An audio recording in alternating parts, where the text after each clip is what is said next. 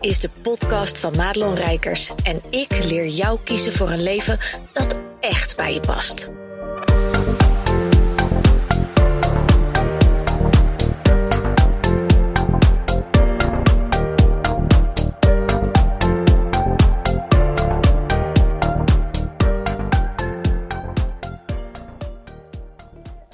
Dat je luistert naar weer een nieuwe podcast. En deze podcast ehm, wordt misschien een beetje zwaar, weet ik niet.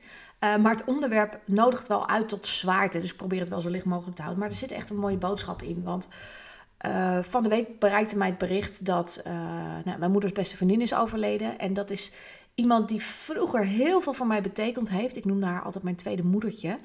Um, ja, en het is een heel lang verhaal kort, maar die is natuurlijk veel te jong gestorven, dat begrijp je wel. Uh, ook niet geheel onverwacht, maar desalniettemin in de situatie die er gebeurde, ook rondom corona, uh, was het wel uh, sneller dan gedacht. En het was een beetje een bizar moment, want ik was op dat moment um, een Facebook live aan het doen voor mijn groep vrouwen in het programma. En dat doe ik altijd als ik merk van hé, hey, er zit, ik, heb, ik heb drie van jullie gesproken en ik heb drie keer hetzelfde thema voorbij horen komen. Dan waag ik er even een Facebook live aan, want dan geldt het voor de hele groep. Daar durf ik mijn voor op te vreten, zeg maar.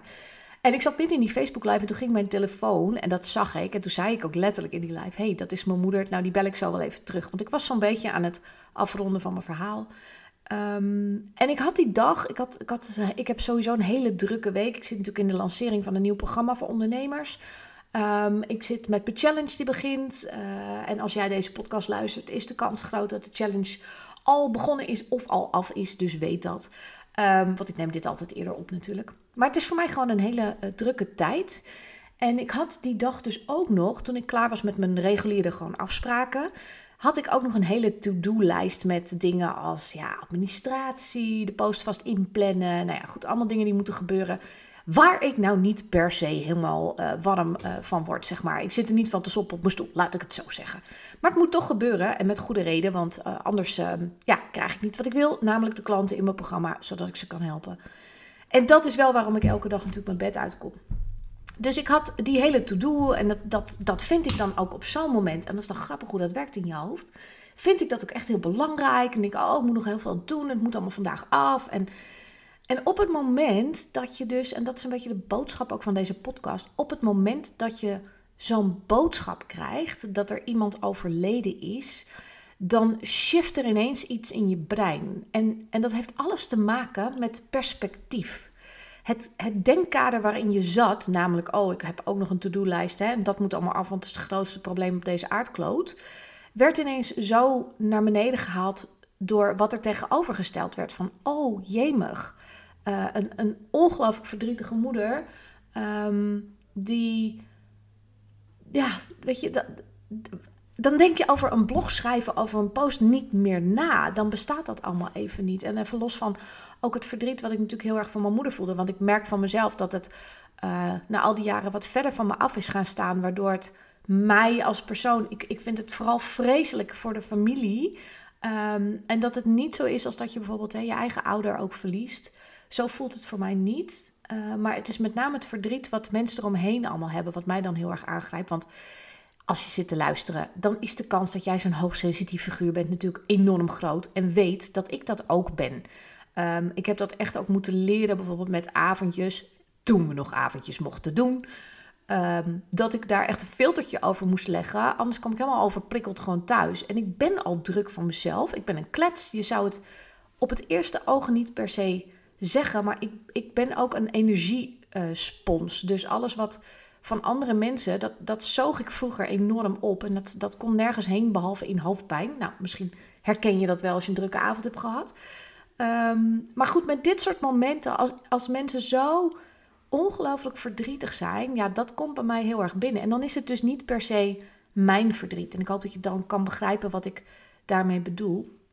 Maar omdat het me wel heel erg aangreep en uh, ik ook weet wat het voor mijn moeder betekent. Want jemig de pemig, als je zo lang met iemand lief en leed letterlijk hebt gedeeld, alles van elkaar weet, het hele leven hebt meegemaakt en iemand wordt er dan zo uitgerukt, toch nog redelijk onverwacht en, en zeker op zo'n jonge leeftijd. Ja, dat, dat is gewoon even niet te verkroppen. Dat is zo'n gemis. Um, dus ja, die to-do-lijst die ging aan de kant. En dat neemt niet weg dat ik het niet hoef te doen. Hè? Ik bedoel, begrijp me niet verkeerd. Het betekent natuurlijk dat ik in de andere dagen daarna uh, ja, toch wat meer op een dag moet doen dan dat ik uh, van de week had gedaan.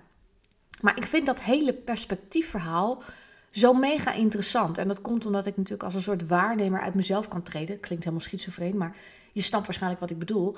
En dat je er naar kijkt en dat je denkt: Goh, interessant, Rijkers. Dus uh, een uur ervoor was je nog heel erg druk met je to-do-lijst en, en uh, een hoofd vol met: Oh god, en uh, hier en daar.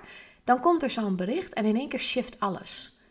En tegelijkertijd komt dan ook weer dat gevoel op. En dat heb je altijd wanneer er iemand overlijdt. En zeker als dat heel dicht in je, in je omgeving is, blijft dat ook heel lang hangen.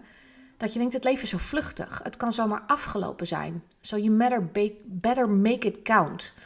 Um, en dat is een gevoel wat uh, tijdelijk is. Want ik bedoel, ik, ik heb inmiddels in mijn leven meerdere mensen weggebracht, zeg maar. Dat, hè, noemen ze altijd zo mooi weggebracht. En die heel dicht bij mij stonden. En dan heb je altijd He, zeker bij uh, nou ja, vader, oma, schoonvader.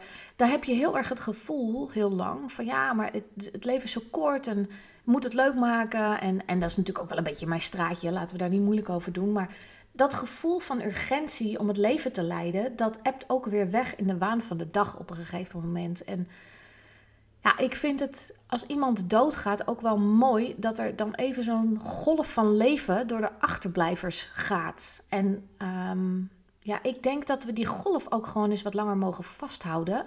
Of in ieder geval bij de dagelijkse waan gewoon betrekken. Dat het leven de moeite waard is om geleefd te worden. En even los van hoe de situatie in de wereld nu is. Sorry, ik moet even krabben hoor. Mocht je denken, wat hoor ik van raar geluid. Maar soms heb ik dat echt jeuk aan mijn been. Um, de situatie in de wereld is nu natuurlijk heel gek, heel angstig met momenten, heel eh, dramatisch ook. Um, allemaal verschillende kampen, jij tegen mij en ik tegen jou. En wij zijn samen en jij niet. En jij bent goed en jij bent slecht. Nou, allemaal dat. Maar tegelijkertijd zijn er zoveel mooie momenten te ontdekken. Zelfs als de horeca gewoon dicht is. Hè? Ik bedoel, ik maak ook mijn eigen feestje, dus waarom zou jij dat niet doen? Um, maar het is het perspectief waar je in zit, wat maakt hoe je naar het leven kijkt. En misschien is het ook wel de uitnodiging voor jou in deze podcast om even goed te kijken waar, waar zit ik nu eigenlijk met mijn perspectief. Want ik durf te wedden dat je daar nooit heel erg bij stilstaat. Um, ik ben ook niet dagelijks bezig met mijn perspectief. Hè? Dus dat je niet denkt, oh die rijkers die is de hele dag aan het kijken van hoe zit mijn hoofd erbij en, en vanuit welk perspectief bekijk ik het leven. Nee, nee, absoluut niet. Maar zo af en toe is het wel goed om even bij jezelf te raden gaan. Um, waar sta ik? En waar wil ik staan? En wat zit daar nog tussen? Tussen dat wat ik wil en dat waar ik nu ben. En um, ja, soms is er iets heel naars voor nodig. En dat zou ik je echt niet gunnen. Uh, voordat je dan in de actiestand komt. En als je dit zit te luisteren, is de kans heel groot dat je iets veranderd wil hebben wat nu nog niet zo is. En weet dat uh, er heel vaak een moment komt bij iemand, dat hoor je altijd hè, van die mooie levensverhalen, dat er iets vreselijks moest gebeuren voordat ze ineens uh, de, de, schop onder de hol, of onder het hol, hoe zeg je dat? Ik ben zelf ook een beetje moe, um, kregen om, om dingen aan te pakken. En ineens de drive voelde, ja, maar nu ga ik het doen, want ik heb gezien dat het leven zo kort is en dat het zo over allemaal kan zijn. En waarom zou je erop wachten? Weet je wel? En dat was voor mij ook weer even een goed moment om even te toetsen van, oh ja, oh ja, dit is, dit is hoe het werkt. En ik kan het heel goed aan, omdat ik natuurlijk heel goed weet, ik heb het altijd over de bullshit van het leven. Um, maar ik kan deze dingen goed hebben, omdat ik weet hoe dat, hoe dat gaat in mijn hoofd. En ik kan dat dus letterlijk ook weer in het juiste perspectief plaatsen. Uh, en kan me dus ook heel goed overgeven aan dat wat er komt, uh, waar ik geen invloed op heb. En, en dat is iets wat ik jou ook heel erg zou gunnen, omdat ik zie steeds, nou, ik zie steeds, dat zijn natuurlijk ook mijn klanten, maar ik, ik, ik hoor ook om me heen vaak mensen die heel erg vanuit de weerstand hun leven leiden, omdat ze van alles en nog wat niet willen, het niet kunnen veranderen, maar er ook niet een vorm in kunnen vinden waarin ze um, erin mee kunnen golven. Snap je wat ik bedoel? Dus dat je eigenlijk meegaat op de stroming. Je kan er wel tegen inzwemmen, maar het kost heel veel energie. En dat wil niet zeggen dat je alles goedkeurt. En dat alles zo moet blijven en dat jij maar mee moet gaan. Dat is niet de boodschap. Uh, want ondertussen ga je natuurlijk hard aan het werk om het leven zo te creëren, zodat jij je daar heel lekker in voelt. En dat was ook wel een dingetje.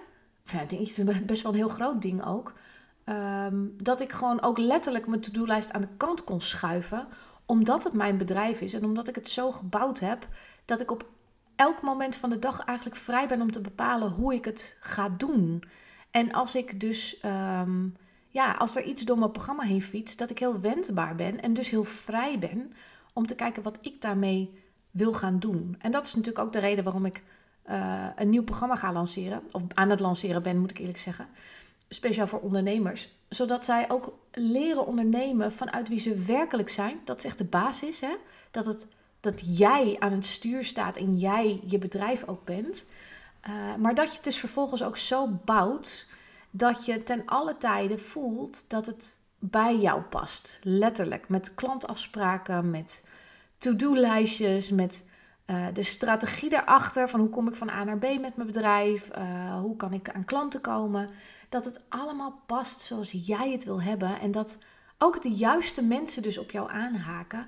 Die gaan leren van jouw reis. Laat ik het zo zeggen. Nou ja, lang verhaal kort. Ondernemers onder ons, als je dit zit te luisteren. Uh, wij, wij snappen elkaar sowieso. En ik hoop de rest ook. Um, maar ja, dat gaf eigenlijk alles weer weer in, in dat hele korte bericht van het overlijden. En ja, dat wilde ik vandaag gewoon even met je delen. Omdat het. Ehm, ik, ik wil dat zoiets naars altijd iets heel moois voortbrengt. Omdat het dan ook zin heeft. Snap je wat ik bedoel? Ik, ik kan niet zo goed tegen zinloosheid. Dat is ook een lichtelijk probleem, hè, want er zijn heel veel zinloze dingen. Uh, dus daar mag ik echt in ontspannen. Maar als ik dit verhaal weer naar jou kan vertalen, zodat jij er iets aan hebt, dan is het allemaal niet voor niks. Nou, en ik denk dat dat wel een hele mooie afsluiter is van deze podcast. Uh, dus dankjewel voor het luisteren. Dat ik ook even mijn verhaal bij jou kwijt mocht. Um, en mocht je nou ondernemer zijn en zeggen: Oh, ga je een ondernemersprogramma lanceren? Mail me dan even op madelon.madelonrijkers.nl, want dan vertel ik je er even wat over. Want dat is niet voor nu. Ik wens jou in ieder geval een hele fijne dag. Doeg! Goed dat je luisterde naar deze podcast. Wil je meer van mij weten? Check dan snel mijn Instagram of kijk op www.madelonrijkers.nl.